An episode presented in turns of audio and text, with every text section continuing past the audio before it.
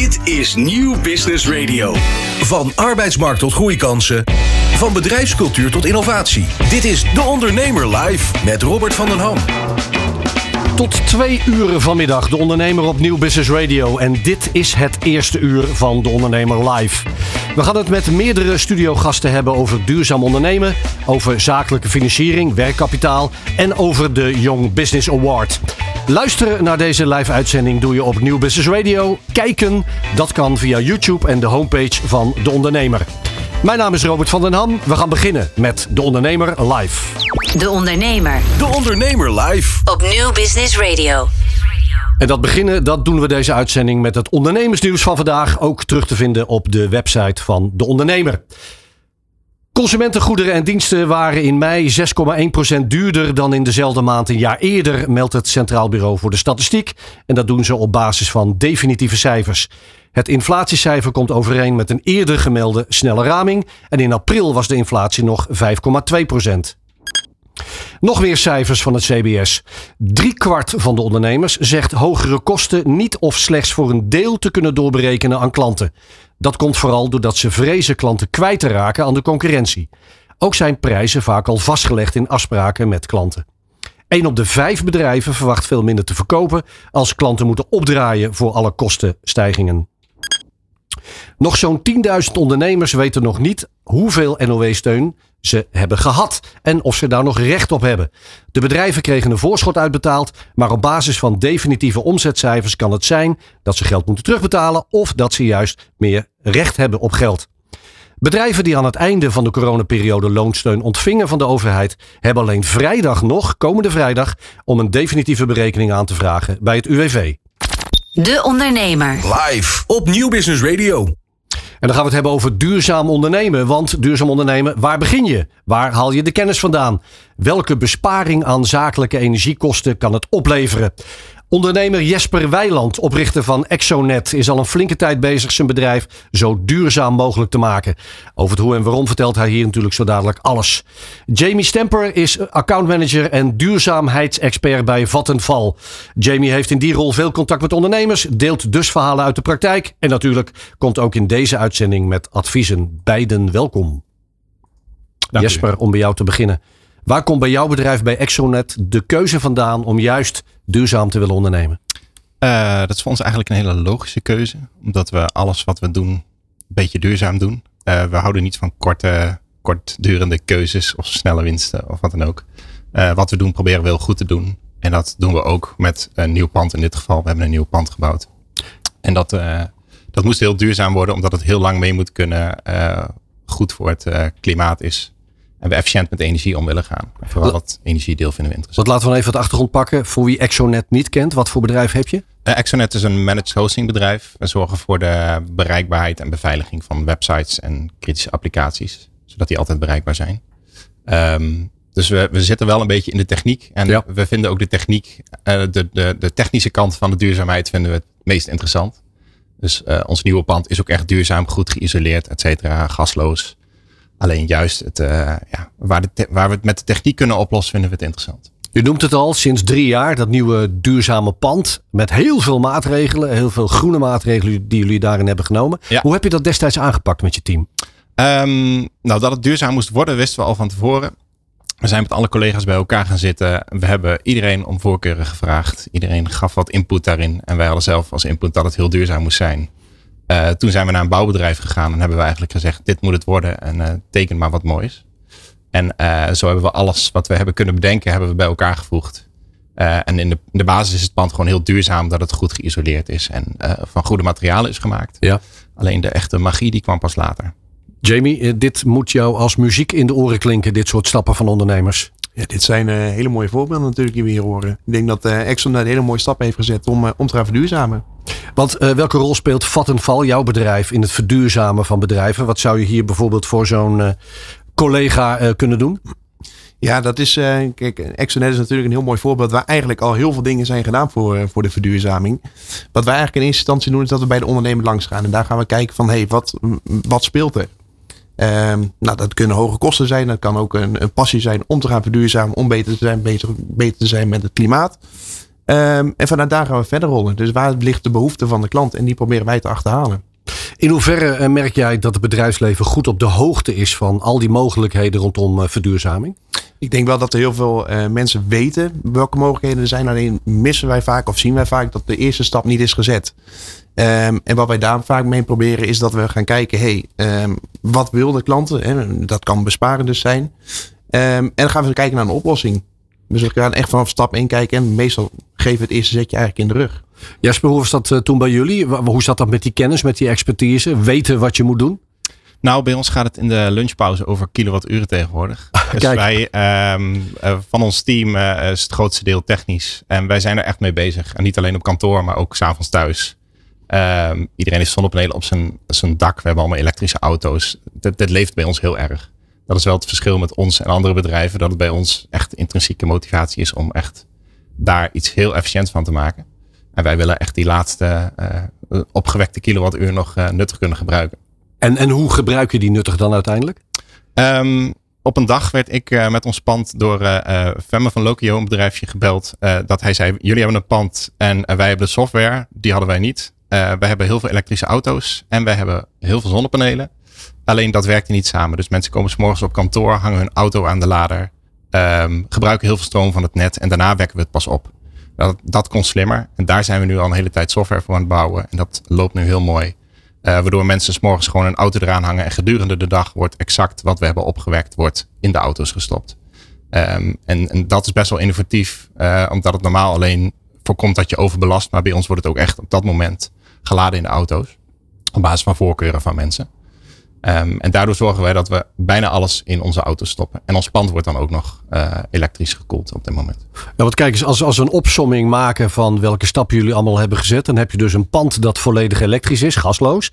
Met 250 zonnepanelen. Een wagenpark dat bijna volledig elektrisch is. Um, ik hoor bijna de kijker en de luisteraar denken van uh, wat levert dat voor besparing op voor Exonet? Wat, wat doet dat aan het einde van de maand? Ja, dat is een goede vraag. Want het hangt een beetje af van de energieprijzen op dat moment natuurlijk. Ja, ja um, zeker. Ik, ik geloof dat wij in december een energierekening van 5000 euro hadden in één maand.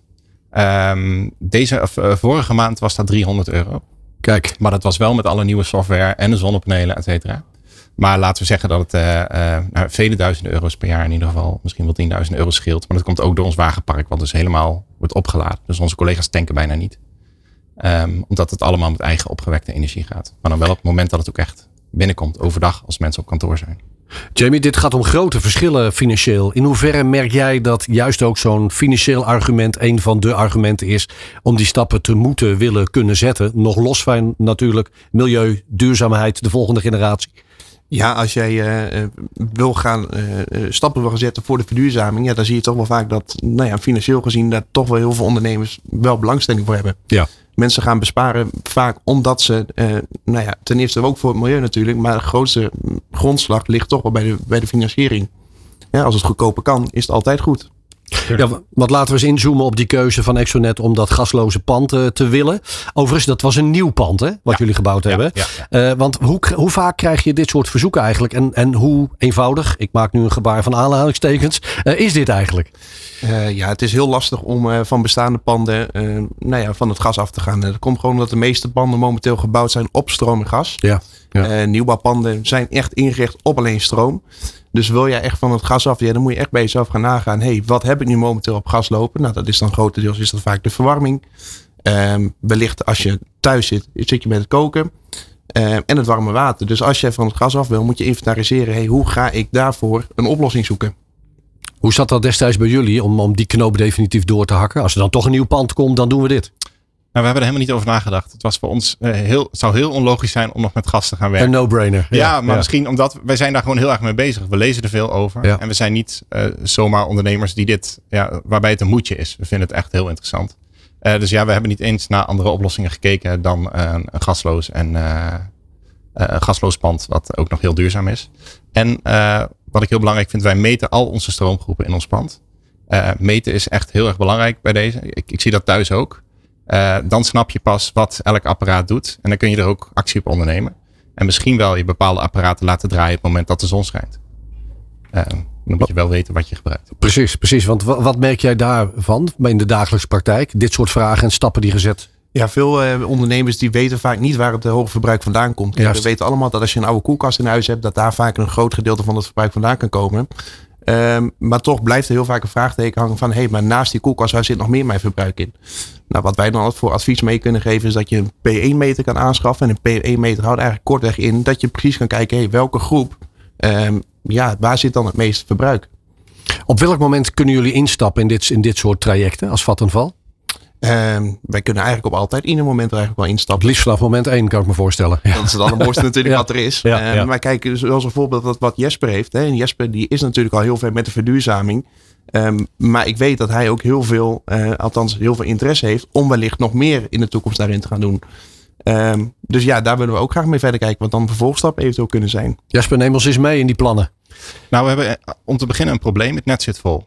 Eh, ik heb een zonnepanelenoverkapping erbij gekocht. En op het moment dat ik die bestelde, een week later, kreeg ik van Liander, de netbeheerder, eh, dus waar Vattenfall ook verder niets aan kan doen, ehm, een bericht dat ik niet meer terug mocht leveren dan ik op dat moment al deed. Dus ik heb nou meer capaciteit dan dat ik kwijt kan.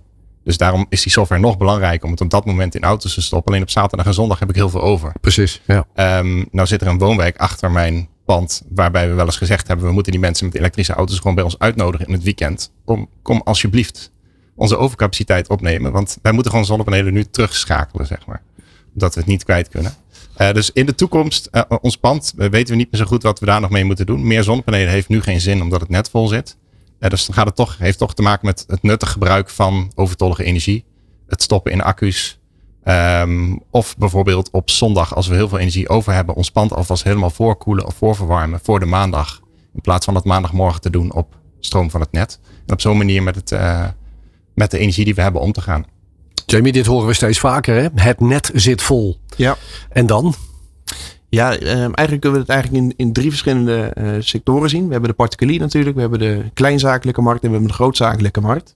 Eh netbeheerders zijn verplicht om voor de kleinzakelijke markt ehm, wel zonnepanelen aan te melden. Dus daar zit in principe geen eh, groot probleem. Wat wel zou kunnen is dat de netbeheerder op een gegeven moment gaat zeggen, hey, we gaan jullie aftoppen. En aftoppen houdt dan kortweg in dat je grens hebt op hoeveel je mag terugleveren naar het net. Ehm, grootzakelijk is een heel ander verhaal. Daar wil je eerst een aanvraag moeten doen bij een netbeheerder. Ehm, mag ik terugleveren naar het net? Nou ja, in 9 van de 10 gevallen is dat momenteel gewoon niet mogelijk. Ja, want wat je vertelde al, van, dan kun je aan, aan andere oplossingen, noodoplossingen denken. Zoals, nou, de- laten we de buurt er eens bij betrekken en de omwonenden. Ja. Hoe, hoe reageren die überhaupt op al die initiatieven en wat zich daar allemaal om zich heen zien gebeuren rondom jullie eh, bedrijf en pand? Nou, eh, omwonenden eh, vinden dat allemaal nog een beetje ingewikkeld. Niet iedereen is er zo mee bezig als dat wij nu mee bezig zijn. Onze klanten wel. Dat zijn eh, internetbedrijven, softwarebedrijven. Die vinden dat gaaf. Die komen echt naar ons toe om te kijken naar hoe wij dingen doen. Ja. En onze medewerkers vinden dat ook heel mooi. Want die zijn er dus ook al privé mee bezig. En wij bestellen gewoon s'avonds soms pizza's. En dan gaan we met z'n allen software zitten bouwen om daar weer slim mee om te gaan. Dat de, de zonneschermen omhoog gaan op het moment dat de, dat, dat de zon erop schijnt. Omdat anders het te warm wordt binnen. En dan moet je weer mee koelen. En dat soort oplossingen. Je, je merkt dus ook, eh, sowieso aan het personeel, maar daar heb je ons van overtuigd. Ook aan klanten, eh, bedrijven waar je mee samenwerkt, dat dit iets doet met je imago, met de beeldvorming van Exonet. Ja, wij, wij maken eh, high-tech high-tech software. We beheren servers. Wij, wij doen dingen met software. En hiermee kunnen we laten zien wat we nog meer kunnen. En het is wel een beetje side business en en een hobby eigenlijk. Ja, ja. Uh, alleen wel iets wat bij klanten ook speelt. Die hebben ook een pand. En die willen ook zonnepanelen. Maar die weten niet hoe ze ermee om moeten gaan. Um, dus ik ben best wel veel tijd tegenwoordig kwijt met praten over deze passie. Terwijl het niet eens mijn werk is. Uh, maar gewoon uh, omdat we dat heel leuk vinden. En er heel enthousiast over uh, willen vertellen. Dus met recht ook een ambassadeur van dat duurzaam ondernemer uh, geworden. Ja, en elektrisch rijden ben ik ook nog Precies. enthousiast over. Ook nog, Jamie. Um, meer voorbeelden van bedrijven? Want jij bent veel in contact met, met ondernemers die die stappen zetten of hebben gezet. Uh, dit soort praktijkvoorbeelden, kun je er nog een paar noemen? Ja, wat wij eigenlijk in eerste instantie doen bij Vattenval, en mochten mensen bijvoorbeeld geïnteresseerd zijn in zonnepanelen, is dat wij in eerste instantie gaan kijken, hey, waar kunnen we nog uh, het verbruik van elektriciteit gaan verminderen? Waarom doen we dat? Ons advies is eigenlijk, leg niet meer zonnepanelen dan je eigen verbruik. Um, dus als je bijvoorbeeld, ik noem maar iets, je hebt nog hele oude verlichting hangen en je wil dat binnen nu en een jaar toch realiseren om dat om te zetten naar de LED-verlichting. Um, ja, dan gaan we wel alvast rekening houden met dat er straks LED-verlichting in komt. Zodat je straks niet een overcapaciteit hebt met de zonnepanelen. Precies, ja. ja. Dat is wat we vaak zien. Um, nou ja, en, en natuurlijk heel vaak um, waar we ook rekening mee moeten houden is wat zijn de toekomstplannen? Um, heb jij bijvoorbeeld nu nog niet de mogelijkheden tot elektrisch rijden, maar wil je daar wel binnen nu en een aantal jaar mee bezig gaan, ja, dan moeten we daar ook rekening mee gaan houden. Dus gaan we kijken voor wat, wat, wat brengt de toekomst. Heb jij een soort van top 3 waar bedrijven veelal, als ze al willen duurzaam ondernemen, willen beginnen? Ja, waar wij uh, heel vaak over beginnen is toch wel de verlichting, waar ik net al even kort over had. Verlichting is iets waar je echt heel snel profijt van hebt. Ten eerste ziet het er vaak mooier uit, maar ten tweede is het ook een hele snelle besparing die je kan realiseren. Uh, daarnaast, vaak in kantoorruimte zie je toch vaak dat heel veel verwarming aanstaat op het moment dat uh, je klant of je personeel niet aanwezig is. Dus probeer dan ook dan nou ja, de ruimte zo goed mogelijk in te dienen door middel van thermostaatknoppen um, of wellicht een slimme thermostaat. Elektrisch rijden, je noemde het al. Jij, jij zou dat eigenlijk nog veel meer willen stimuleren. Hè? Want jullie zijn bijna over op een volledig elektrisch wagenpark. Ja, ik rij zelf sinds 2015 elektrisch. Ik ben er heel enthousiast over. En ik heb ook die hobby weer uh, op kantoor kunnen gebruiken door mijn collega's te enthousiasmeren om ook in een elektrische auto sta uh, te stappen.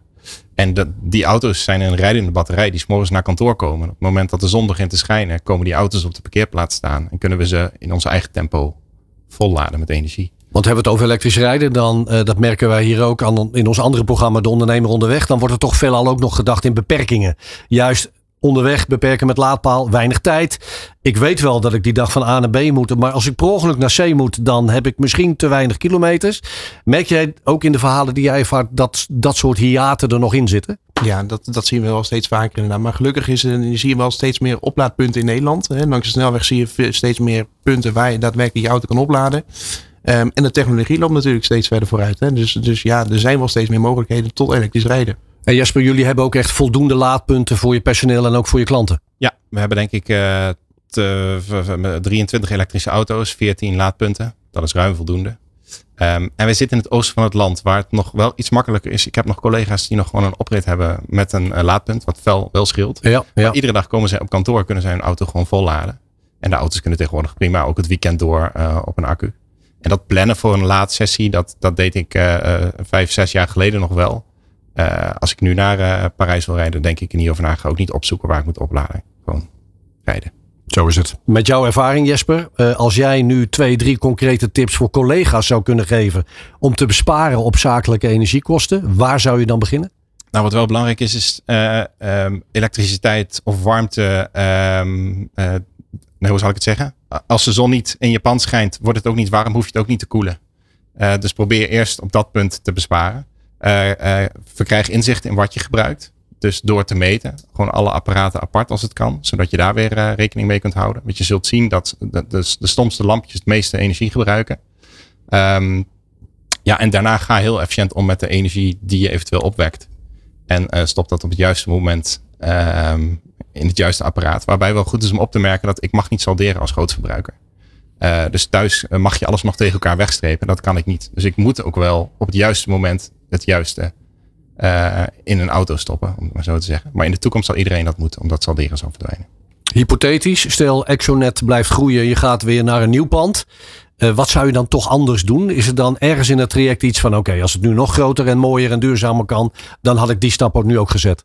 Nee, we zijn wel redelijk all the way gegaan met, uh, met ons pand. En ik weet even niet wat ik nog anders zou doen. Uh, uiteindelijk met meer auto's zou ik misschien nog meer zonnepanelen willen hebben. Dat zou eventueel nog misschien een keer boven een parkeerplaats kunnen. Um, maar ik, uh, meer isoleren en dergelijke dan nu uh, kunnen we eigenlijk niet. Jamie, tot slot, ook vanuit jou, twee, drie concrete tips om te besparen als ondernemer op die zakelijke energiekosten. Nou ja, ten eerste denk ik dat het belangrijk is dat als jij uh, zonnepanelen wil gaan aanvragen, dat je ook eerst, als je grootzakelijk zit, een aanvraag gaat doen bij de netbeheerder. Dat is toch iets wat heel vaak over het hoofd wordt gezien. Um, ten tweede, hou goed inzicht in je eigen verbruik. Um, zorg ervoor dat je op de hoogte bent van wat speelt er. Nou ja, onder andere dus wat ik al eerder even aanbracht. De P1-meter is daarin een hele goede oplossing. Um, en zorg dat de thermostaat goed ingesteld is. En ik denk dat als je met die, die, die dingen gaat beginnen, dat je een hele grote stap maakt. Helder. Jesper Weiland, oprichter van Exonet. Jamie Stemper, duurzaamheidsexpert bij Vattenval. Er is weer veel meer duidelijk geworden over duurzaam ondernemen. En hoe te besparen op die zakelijke energiekosten. Dank voor jullie komst naar de studio. De Ondernemer. De Ondernemer live. Op Nieuw Business Radio. In de jaarlijkse scale-up competitie Young Business Award strijden veelbelovende jonge ondernemingen tegen elkaar. De winst, de kroning tot de beste jonge onderneming van Nederland. Bovendien krijg je professionele ondersteuning om groeikapitaal op te halen bij de meer dan 20 aangesloten venture capital fondsen. De investeerders hebben samen 1 miljard aan fondsen beschikbaar. De Young Business Award dus en daar kun je je nu voor aanmelden. In deze uitzending zo dadelijk founder Niels Palmers en juryvoorzitter Bas van der Veld. Voordat we naar hen overschakelen gaan we eerst kijken en luisteren naar een korte trailer.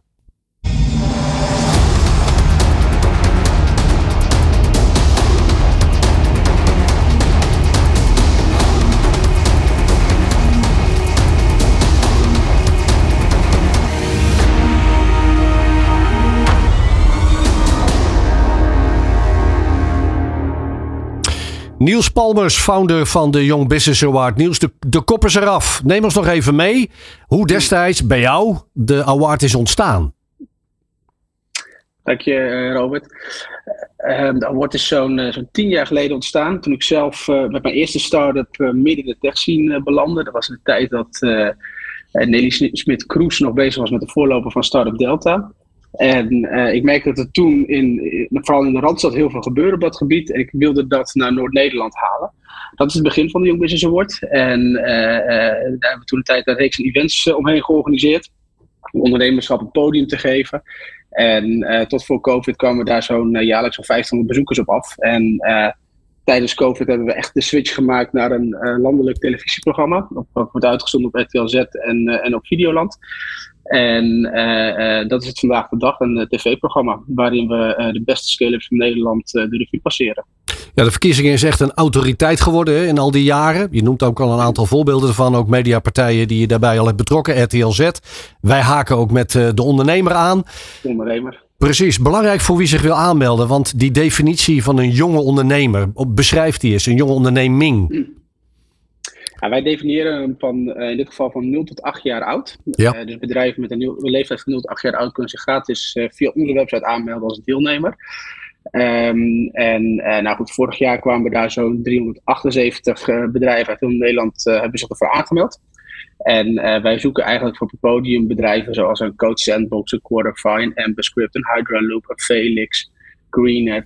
Bedrijven die echt, echt flink bezig zijn om internationaal op te schalen. En wat mij betreft ook een, een hele mooie positieve impact maken op de wereld. Uh, dat vind ik zelf heel belangrijk. En als competitie hebben we daar een, uh, ja, hebben we een, een redelijk mediaformat opgezet in de afgelopen jaren.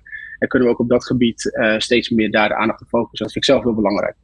Ik noemde het net in de aankondiging al de Young Business Award. Maar we weten nu ook dat daar de bedrijfsnaam AVAS voor mag. Bas van der Veld, CEO van AVAS. Welkom in de uitzending. Dankjewel. Wat een interessante move weer, eh, Bas. Dat vinden wij ook, absoluut. En het leuke is, we hebben eigenlijk al best wel heel lang uh, contact uh, met Niels. Ja. En um, ja, nu is het dan toch ook echt van gekomen. Dus uh, fantastisch. Echt leuk om, om hierbij betrokken te mogen te zijn. En ja, niet alleen zelf inspiratie te mogen geven, maar ook vooral heel erg geïnspireerd te raken door al die ja, enthousiaste ondernemers die, die hun droom aan het najagen zijn. Dat, dat, is, dat is altijd heel inspirerend, vind ik zelf. Want waarom Bas vanuit AVAS deze samenwerking met juist deze prijs?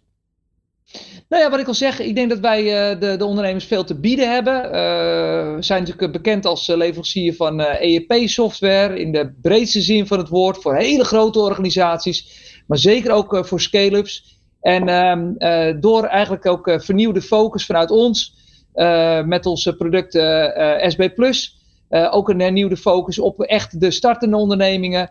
Uh, en, en past dit dus eigenlijk enorm goed. Niels, er luisteren natuurlijk veel ondernemers naar deze uitzending. En die vinden het natuurlijk reus interessant om te horen hoe je juist Bas en AFAS hebt kunnen strikken voor die award. Hoe heb je dat aangepakt?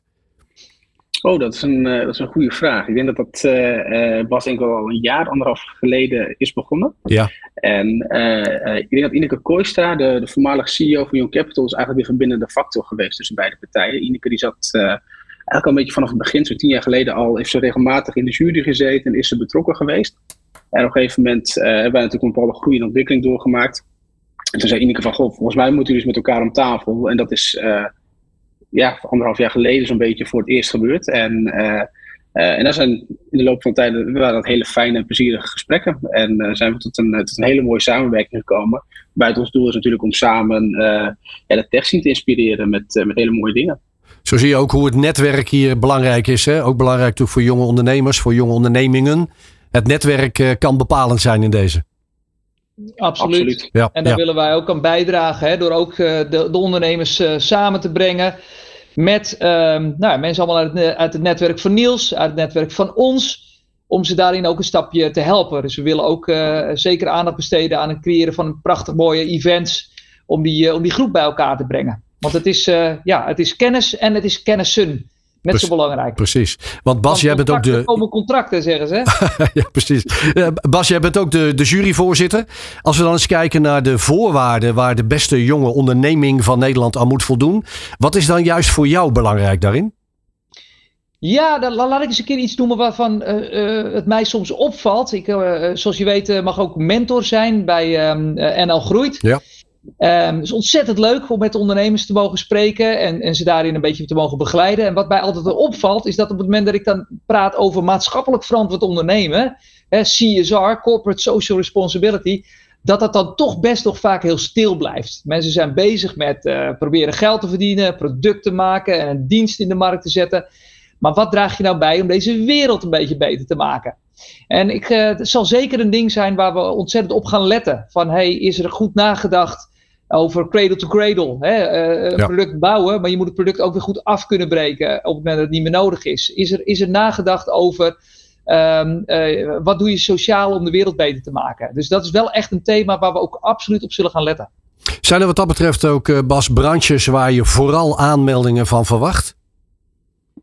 Eerlijk gezegd niet. Um, en, ik, en, ik, en ik hoop het ook niet. Ik hoop niet dat het, uh, dat het allemaal techbedrijven zijn. Ik hoop ook juist dat het, uh, dat het uh, goede initiatieven zijn om de zorg beter te maken, om, um, om het onderwijs beter te krijgen. Juist die twee sectoren waar, waar zoveel vernieuwing nodig is. Dus ik hoop dat het over de, over de brede linie gaat zijn. Hoe zie jij dat, Niels? Nou, dat en ik zou er ook graag climate tech en uh, de energietransitie naartoe willen voegen. Um, we zien eigenlijk dat, uh, dat de deelnemers uit, uit alle velden komen, van, van nanotech tot biotech bedrijven en fintech tot, uh, tot de deelscooters, om het heel, heel, praktisch te maken. Um, um, en dat, dat maakt ook leuker. Dat denk ik ook dat het voor de kijker daardoor leuk is om naar te kijken. Op het ene moment zat er een, een, een zwaar technische founder, een verhaal te pitchen die nou, heel erg op de inhoud zit. En aan de andere kant gaat het over iets wat heel begrijpelijk is en wat een consumentenproduct is en waar je zelf direct wat mee kunt. Um, en beide zijn belangrijk. En beide zijn ook belangrijk om de wereld een beetje mooier en beter te maken. Dus dat uh, um, is leuk om daar een podium aan te geven. Heb ja, je... ik denk toch ook wel uh, als oproep aan, aan iedere ondernemer. Want er zijn natuurlijk ook best wel ondernemers en die, die zijn erg bezig met, uh, met de inhoud. Hè, uh, als, als nerds bijna, bezig met hun product en bezig met hun dienst. Maar het is ook ontzettend belangrijk dat je dat kunt uh, vermarkten en dat je het kunt presenteren. En daar biedt natuurlijk zo'n zo'n Young Business Award ook een enorme kans op. Want hoe vaak krijg je de kans om op een podium een keer je verhaal te vertellen? En het leuke is, als je dat jezelf dwingt om te doen, ook al is dat misschien hartstikke ongemakkelijk en ga je nog liever dood, zeg maar, dan om op een podium te staan, ja, ja, ja. dwingt het jezelf wel om, om een goed verhaal neer te zetten. En dat, ga je, dat gaat je gewoon als ondernemer ook ontzettend helpen. Want Niels Nembos is mee in het proces. Hè? Ik luister en ik wil mij met mijn jonge onderneming aanmelden. Uh, dan ben ik één benieuwd. Oké, wie in de jury moet ik nog verder gaan overtuigen? Behalve hè, niet de eerste, de beste Bas van der Veld. En twee, dat presenteren. Hoe gaat dat in zijn werk? Het eerste wat je moet doen als je luistert is nu AFAS Business Award intypen op Google. En dan uh, je aanmelden via de website. Um, daar komen bedrijven tot 25 augustus aanmelden. Nou ja, en daar maakt een speciale commissie, uh, selecteert, daar, selecteert daar de top, uh, top 12 uit. Um, die gaan we op 7 september bekendmaken bij een speciaal event uh, bij AFAS. En um, kort daarna gaan we ook de, de, de, deelnemers die doorgaan ook echt matchen met de investeerders en de VC's die, die, die betrokken zijn aan de YBA. Om te zorgen dat het eerste stukje netwerk al, al plaatsvindt.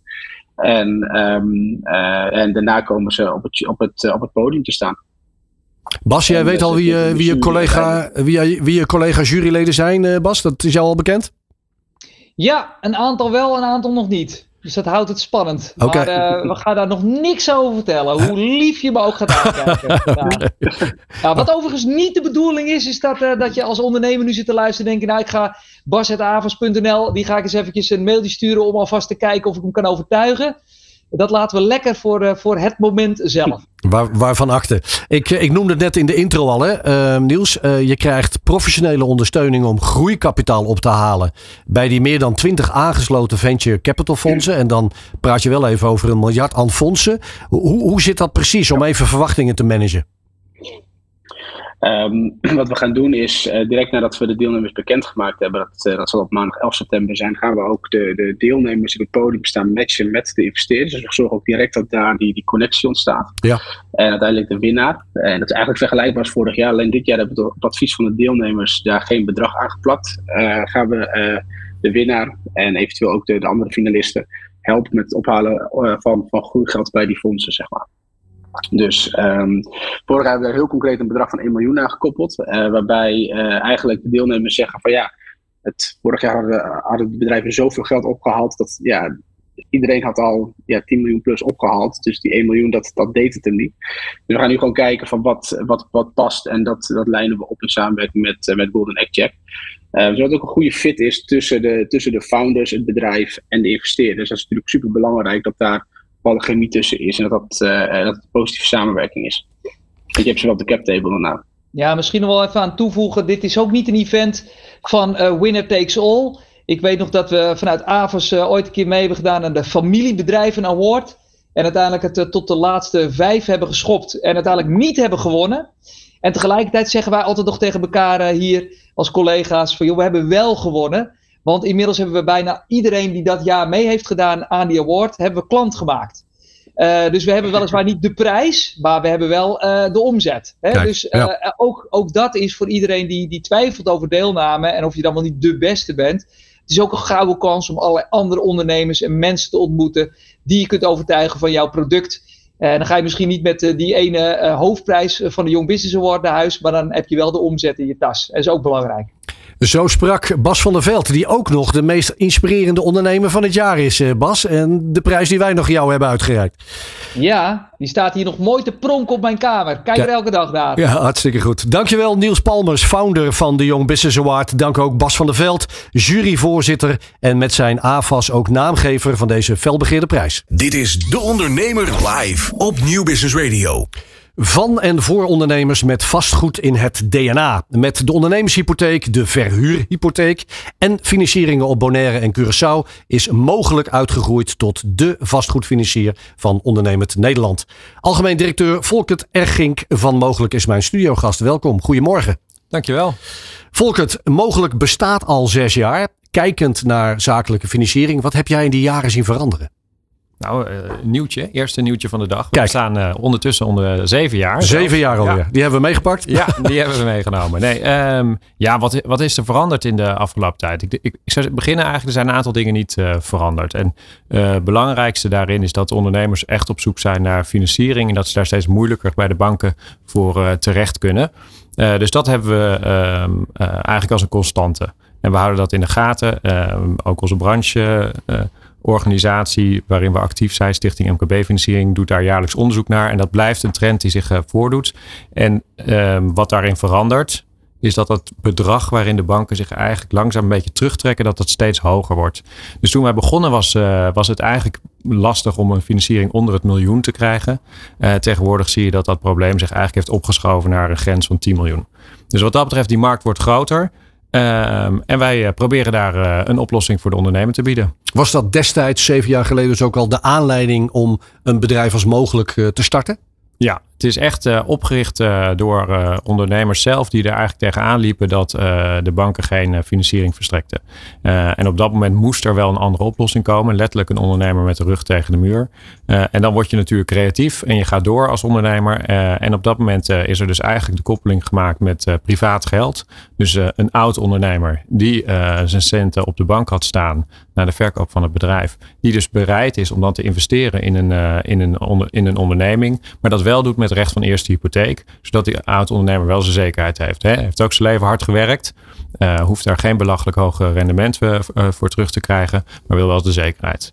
En dat is eigenlijk het model wat we vandaag nog steeds hanteren. We gebruiken privaat geld of eigenlijk ja, vaak oud-ondernemers geld om te investeren in, in nieuwe, uh, nieuwe ondernemingen of ondernemingen lopen. Het mag ook bestaande ondernemingen zijn. En we doen het altijd op recht van hypotheek. Uh, banken, financiering, het zijn woorden die uh, in dit gesprek nog veelvuldig gaan vallen. Uh, zeven jaar, daar zaten twee coronajaren tussen. Ja. Wat, wat hebben die coronajaren voor jullie betekend, bedrijfsmatig? Nou, dat was natuurlijk ontzettend spannend. We zijn ook gewoon een, ja, een jong bedrijf. Hè. Dus 2020, toen het begon, bestonden we vier, vier jaar, net vier jaar. Ehm, dus ja, dan heb je het gewoon nodig. Je kan niet zomaar stilvallen. Dus eh, zoals, eh, zoals iedereen eh, heel spannend heeft gekeken in, in, in maart, begin april, naar wat, wat gaat dit met ons bedrijf doen? Wat gaat dit met onze inkomsten doen? Ja. nou, dat hebben we wel heel snel wat kosten moeten terug, terugzetten, herbegroten. Ehm, zijn we, hebben we gezien dat de ondernemers in Nederland, want dat is ook een mooie graadmeter, we zien dus onze aanvragen dan teruglopen. Uh, en als je dat nu zeg maar terugkijkt, dan zie je dat dat over een periode van vier tot zes weken echt even stilstand in die aanvragen heeft opgeleverd. Echt iedereen even met ze op zijn handen zitten. Uh, en daarna zie je dan ook wel weer het mooie. Ja, dat vind ik mooi. Dat, dat ja, ondernemend Nederland pakt toch ook wel weer de draad op. En gaat weer door met zijn plannen. Uh, komt met zijn financieringsaanvragen. en dat hebben wij kunnen invullen doordat ook de oud-ondernemers, de investeerders bij ons, ook de draad weer oppakt en zeggen: ja, uiteindelijk is het investeren in de Nederlandse economie. We herkennen het, we geloven erin. Dit gaan we doen. Je hebt die mindset dus inmiddels ook duidelijk wel weer zien veranderen ten positieve. Ja, ja, ja, absoluut. En uh, het was natuurlijk niet de enige grote uh, beweging. Hè. Vorig jaar gebeurde er natuurlijk ook wat met, met de inval van Oekraïne. zag je ook dat de hele rentemarkt veranderde. dus daar ook, ja, dan heb je eigenlijk al een beetje zo'n ervaring van die COVID-crisis achter, achter de rug goed kijken wat gebeurt er. Niet in de stress raken. Maar het kost zeker wel een paar weken voordat het eigenlijk alles weer een beetje zich settelt. Ja. Nou kan ik bij mogelijk terecht voor om kort te gaan of om geld te lenen of om geld uit te lenen. Ja. Um, toch nog even ter verduidelijking. Wat verschilt jullie nou precies van de andere financiers? Ja, uh, ten opzichte van een, uh, uh, vanuit een, een, een, bank gaan we eigenlijk voor een aantal dingen. Eén, we proberen snel duidelijkheid te geven dus uh, als je bij ons een aanvraag indient uh, op de website of je hebt een, uh, een, een, een, financieel intermediair, een adviseur, en die meldt zich bij ons, dan proberen we binnen twee dagen, geven we eigenlijk antwoord wat je, wat, wat, wat je leencapaciteit is en wat de condities zijn. zodat je als ondernemer gewoon snel weet waar je aan toe bent. Nou, op dat moment kan je eigenlijk zelf je huiswerk doen, ehm, intern afstemmen en kijken, wil ik in gesprek met mogelijk. Nou, dan kan je bij ons eigenlijk dezelfde week nog op kantoor uh, met ons in gesprek. Uh, nemen we de condities nog een keer uh, uitgebreid door, maken we kennis. Uiteraard doen we daar een stukje dossieropbouw voor onszelf ook voor. Um, en dan kunnen we eigenlijk schakelen. Dus zo snel kan het gaan. Dus het is echt die snelheid. En, en in die snelheid ook snel duidelijkheid geven. Dat is waar we voor staan. Merk je dan dan dat soort gesprekken, zo'n kennismaking, dan al vaak natuurlijk op, op het eerste moment dat er nog heel veel opvoeding te doen is op dit vlak? Is er al het nodige bekend als ze bij jullie binnenstappen? Of begin je echt op nul met, eh, met informatieverstrekking? Nou, die, uh, aan de geldnemerkant zie je dat het natuurlijk wel verandert. Kijk, de, uh, de, de, de, financiële adviseurs in Nederland die zijn echt ondertussen wel gewend uh, met mogelijk te werken. Dus die kennen eigenlijk die condities al. Dus de, daar, is, daar is niet heel veel meer aan, aan toe te lichten en uit te, lichten, uit te leggen. Um, ik denk dat het voor veel ondernemers blijft het een ding wat je niet heel vaak doet. Dus je, je, bent niet een paar keer per jaar bezig met de financiering. Sommige ondernemers ook wel. Hè? Dus laat ik die ook niet uh, voor het hoofd uh, stoten. Maar veel ondernemers die we tegenkomen, die zijn één keer in de zoveel jaar eigenlijk bezig met de financiering. Um, en dan is het gewoon goed om even de tijd te hebben om elkaar te leren kennen en het rustig door te spreken. Wat kun je zeggen over het soort ondernemer wat vooral bij jullie aanklopt? Zie je een bepaald segment, een bepaalde branche wat misschien wat meer oververtegenwoordigd is dan de ander? Nou, je, je ziet dat wij uh, uh, over het algemeen we zitten goed in de markt voor uh, eh, 50.000 tot 1 miljoen. Dat is traditioneel eigenlijk onze markt waar wij financieringen verstrekken. Uh, uh, daar krijgen wij ongeveer 2,5 tot bijna 3 miljard aan aanvragen per jaar op binnen. Dus dat is, dat is enorm. Ehm, en je ziet dat dat nu verschuift eigenlijk. Dat, dat ook dat uh, het hogere segment, dus in plaats van het kleinbedrijf, nu ook het middenbedrijf, nadrukkelijker zijn weg naar mogelijk weten te vinden. En die zijn ook hartstikke welkom. Daar hebben we ook nieuwe producten voor gelanceerd. Hoe komt dat, denk je? Waar komt dat door dat die nu ook uh, bij jullie aankloppen? Nou, onder andere denk ik doordat we uh, hebben gezorgd dat onze, onze financieringen er ook beter op, uh, op aansluiten. Kijk, als je, je kan je voorstellen, als, jij als uh, oud ondernemer of investeerder, hè, want je hoeft niet per se een oud ondernemer te zijn om te, te, te investeren bij ons, maar als investeerder bij ons bent en, en, ik, ik, heb een financieringsaanbod voor je als investeerder voor 2,5 miljoen, dan ga je daar langer over nadenken dan van 500.000 euro of voor 100.000 euro. Uh, er zijn ook gewoon minder van in Nederland. Uh, logisch. Um, en doordat wij nu onder andere fondsen hebben gelanceerd, kunnen we betere spreiding doen voor investeerders. Dus dat is eigenlijk een product voor investeerders, zo'n fonds. Ehm, en daarmee kunnen we ook eigenlijk veel tegen ja, gunstige, goede, goede tarieven, passende tarieven, kunnen we eigenlijk ook die hogere financiering in aanbod doen. Ja, en, en omdat die banken zich terugtrekken, uh, is dat precies weer dat gat waar we een oplossing kunnen bieden. Want is dat ook het verhaal wat je terugkrijgt? De bank wil niet, trekt zich terug, kan niet, tussen aanhalingstekens. En dus naar mogelijk? Of zit je ergens anders in het traject? Nee, het is, um, er zijn, zijn mensen die inderdaad uh, bij de bank zijn geweest. Er zijn ook mensen die gewoon ondertussen al weten. Hè, we bestaan ondertussen langer. De non-bankaire sector bestaat ook langer. Uh, er zijn mensen die weten voor de snelheid moet ik sowieso uh, daar zijn. Dus die komen eigenlijk direct bij ons terug. Dat zijn de terugkerende klanten. En dat worden er steeds meer. Um, kijk, als ondernemer heb je soms een kans volgende maand. Of over twee maanden. Ja. maar niet altijd over negen maanden. En uh, als je dus wil doorondernemen, dan moet je die kans uh, kunnen pakken. En dan moet je soms snel kunnen schakelen. En uh, dat is heel aantrekkelijk om, om, ja, om te kunnen bieden. Als je kijkt dan nogmaals ook naar die banken, zie je dat dan ook als concurrentieveld? Zoals misschien ook wel, dat wat natuurlijk ook zeker na corona enorm in opkomst is gekomen. Crowdfunding, sharefunding, om aan fondsen te komen. Kijken jullie daar op die manier ook naar? Concurrentieveld? Of? Nou, ik probeer altijd wel um, niet te veel met, met concurrentie uh, uh, bezig te zijn. Ik denk dat, uh, dat er voor iedereen ruimte genoeg is om te groeien in, in deze markt. En ja, wij vinden dat leuk om, om, om, ja, om daar elke dag ons best voor te doen. Maar er zijn ook andere bedrijven die dat ook hartstikke goed doen en daarin in groeien. Wat, wij, wat ik zeg, wij positioneren ons zeg maar eigenlijk als alternatieve financiers. is ook zo'n term die erop geplakt wordt. Um, tussen eigenlijk een, een bank en het ouderwetse het één op één. Want iedereen heeft wel uh, een, een, verhaal in de buurt. Of het nou in een dorp is of in een stad. Of je nou in de horeca werkt of, of in iets anders. Waar een oom of een tante uh, uh, je financiert. Of je, of je schoonvader. Of via de notaris in het dorp word je wel gekoppeld. Dus die één op één markt is eigenlijk een hele grote markt. Die is niet zo heel goed in beeld is namelijk niet zo heel makkelijk te onderzoeken hoe groot die nou is. Maar daar zijn we eigenlijk ook een oplossing voor.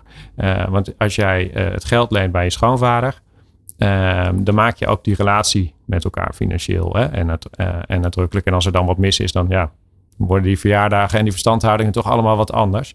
Uh, en, en, daar zijn we eigenlijk ook een oplossing voor. Dus we zijn er eigenlijk ook voor die markt. Die, uh, en ik zeg wel eens, nu heeft iedereen een oom of een tante. Ja, ja, ja precies. Klopt ja, klop bij mogelijk aan. En, uh, dan, en dan eigenlijk zijn die verjaardagen dan misschien wel net zo leuk of leuker.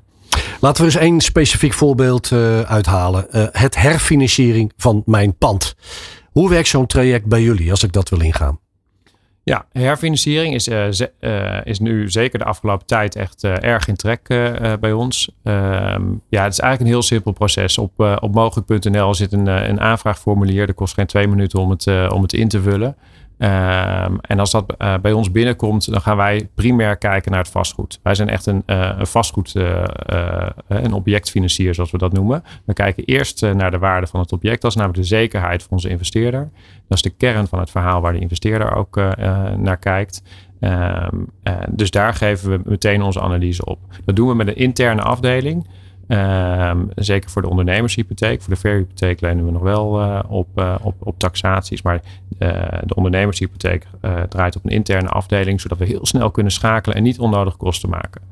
Nou, als dat gebeurd is, dan kunnen we eigenlijk al aangeven tegen welke condities wij uh, zouden kunnen financieren. Uh, dat is vaak dan bij een herfinanciering bijvoorbeeld iets meer dan dat je al een huidige financiering hebt lopen. en dat geld wat dan extra vrijkomt, dat kan je gebruiken voor je onderneming. en dat is zeker nu een hele gewenste oplossing. werkkapitaalfinancieringen zijn er ook in de markt beschikbaar, bij banken, maar ook bij alternatieve financiers. Ehm, maar over het algemeen is dat een, zoals dat dan heet, een ongezekerd product. en kent zich een iets hogere rente. dus door je pand te gebruiken om financiering vrij te spelen voor je onderneming, kan je tegen gunstige voorwaarden dat doen. En dat, ja, daar kunnen wij snel in schakelen. Je gaf al aan, de, de, de vraag daarnaar neemt toe. Um, voor dat herfinanciering van mijn pand, zie je daar ontwikkelingen in bepaalde branches, dat daar meer vraag is dan, dan gemiddeld? Nou, niet echt branche-specifiek. We gaan echt wel over die, over die branches heen. Wat, uh, wat thema's die voorbij komen zijn natuurlijk is wel dat als we gaan herfinancieren, eigenlijk echt wel wat extra geld voor die verduurzaming van het, uh, van het pand. Okay. Er zijn natuurlijk in, uh, interessante uh, business cases. Hè. Je ziet dat veel verduurzamingsdingen een, een, een, vijf jaar terugverdientijd hebben. Dus, dus een soort 20% rendement. Dus ja, daar kan je prima eigenlijk een, een, lening voor verstrekken. En dat is ook typisch iets wat een bepaalde snelheid heeft. Hè. Als jij over negen maanden pas weet of je geld hebt, dat schiet niet op. Want die offerte is nu. En of die, aan, die aannemer of die installateur, die wil ook eigenlijk helemaal niet zeggen dat die over een jaar ook nog beschikbaar is tegen die prijzen. Dus uh, snelheid is daar, uh, daar ook key. Ja, en je ziet dat er gewoon überhaupt druk staat uh, op ondernemend Nederland. Hè. Het is natuurlijk de inflatie, de loonkosten. Nou, het zal je vast in het programma allemaal voorbij zijn ja. gekomen. Ehm, dus dat vrijspelen van geld voor een stukje liquiditeit en werkkapitaal is gewoon belangrijk om de ademruimte te hebben en vooruit te kunnen kijken. en, niet, um, en niet te strak in de wedstrijd te hoeven zitten als onderneming. Nog even naar het traject. Je gaf net al aan, je vult er eigenlijk in twee minuten online in. Dan is het ja. duidelijk. Daarna komt er een mens in beeld van mogelijk. Ja. Neem ik zo aan. Ja. Uh, wat, traject, wat voor traject gaat er daarna in? En krijg ik een vast persoon? Hoe, hoe werkt dat? Ja, je, je, je, je wordt eigenlijk uitgenodigd op, uh, op, uh, op gesprek. Uh, dat kan je zelf uiteraard plannen digitaal. En je kan met ons contact opzoeken om het, om het te plannen. daarvoor zijn wij gewoon elke dag geopend. Zitten bij ons nou, ongeveer twaalf accountmanagers zijn klaar om, uh, om de hele dag eigenlijk klanten te ontvangen op ons kantoor in Breukelen. Dus uh, ligt centraal. En uh, daar ga je eigenlijk in gesprek. Dat is ook jouw contactpersoon voor de hele aanvraag. Um, en daarnaast, ja, die zitten natuurlijk ook in gesprek. Dus als, het, als, als er telefonisch contact gezocht zit, er ook een team klaar die toegang heeft tot alle, alle data om het juiste antwoord snel te kunnen geven. Ja, we zijn echt wel wat dat betreft, we houden van techniek. Maar we houden net zoveel ook van, uh, van menselijk contact. En is voor ons ook heel belangrijk. Uh, we spreken natuurlijk ook de investeerders uh, die aan ons gebonden zijn. en, en voor hun is het ook heel belangrijk dat wij echt een inschatting hebben gemaakt van, van de ondernemer. Dat wij dat echt duidelijk kunnen vertellen met, met overtuiging waarom wij achter een ondernemer staan. Dat ook goed kunnen opschrijven. Dus voor ons essentieel om dat stukje contact uh, te combineren met de techniek. Begrijp ik. En vanuit de klant natuurlijk uh, is dat ook zo. Want dat is natuurlijk de veelgehoorde kritiek. Ik heb een chatbot en ik heb geen idee wie, waar enzovoorts. Ja. Ik investeer wel veel of ik vraag aan jullie veel. En ik wil wel dat menselijke contact hebben. Um, Volker, onlangs lanceerden jullie het vijfde mogelijke zakelijke hypothekenfonds. Laten we dat product er ook nog eens uithalen. Hoe zit dat precies in elkaar? Ja, het uh, zakelijke hypothekenfonds is een, uh, is een product wat we uh, vorig jaar gelanceerd hebben. Het eerste ding. We zitten ondertussen al bij het vijfde. Ja. eigenlijk poelen we daar een, een, we combineren met een, een, groep investeerders. Dus daar zoeken we niet eerst een ondernemer waarbij we een investeerder zoeken. Maar hier zeg ik het is altijd andersom. We maken eerst een groepje investeerders. Die maken met elkaar een pot. Dat, dat is het, het vermogen van het fonds. En dat wordt dan uitgeleend in een week of zes tot acht daarna. Um, uh, en dat is dus geschikt ook voor onder andere wat grotere financieren. Over het algemeen is zo'n fonds uh, ongeveer 30 miljoen uh, aan, aan vermogen wat daarin zit, wat we dan, wat we dan uitlenen. Ja. Je gaf al aan, dus inmiddels al het vijfde. Ja, ja. loopt echt hartstikke goed. Het is een heel mooi product, geeft, geeft veel zekerheden. En ehm, je, hoeft er, je hebt er iets minder een mening nodig, zeg ik wel eens. Ja, dus het, het originele product wat we hadden in de ondernemershypotheek, waar we eigenlijk één op één een ondernemer een ander eh, of een investeerder een uh, ondernemer financierde. Uh, daar kijk je zelf eigenlijk uh, in je eigen portal. Je krijgt van ons een keurig mailtje, maar je kiest zelf eigenlijk een pand. en de pand, daar zie je de, de, leningcondities op en daar lees je het verhaal van de ondernemer over. En, en daar, daarvoor zeg jij, daar opteer ik voor of die, daar wil ik wel graag in investeren. Dan gaan we dat netjes regelen.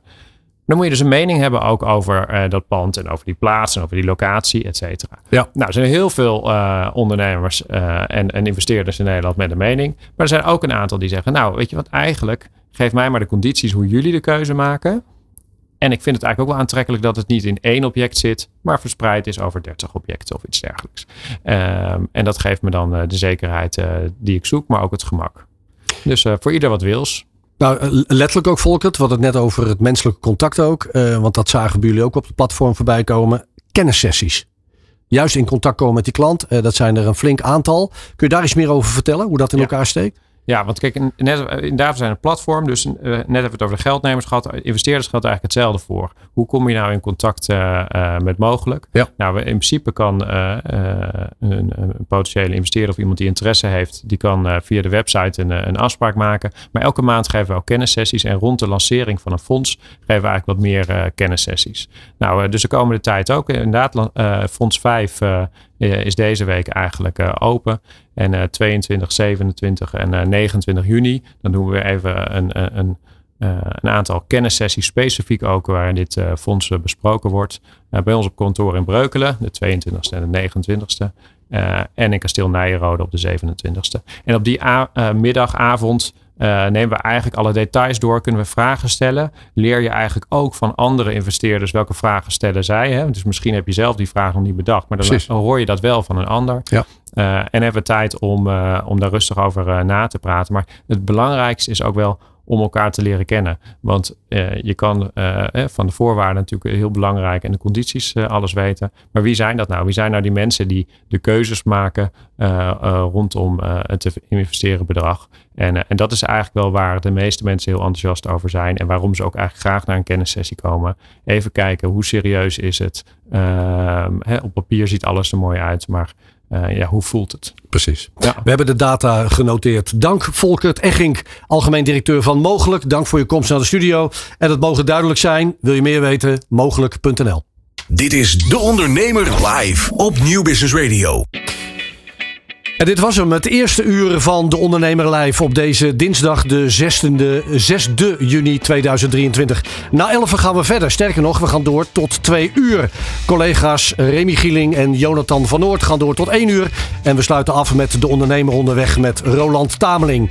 Blijf aan boord via YouTube, de homepage van De Ondernemer of luister mee via Nieuw Business Radio. Dit is De Ondernemer Live op Nieuw Business Radio.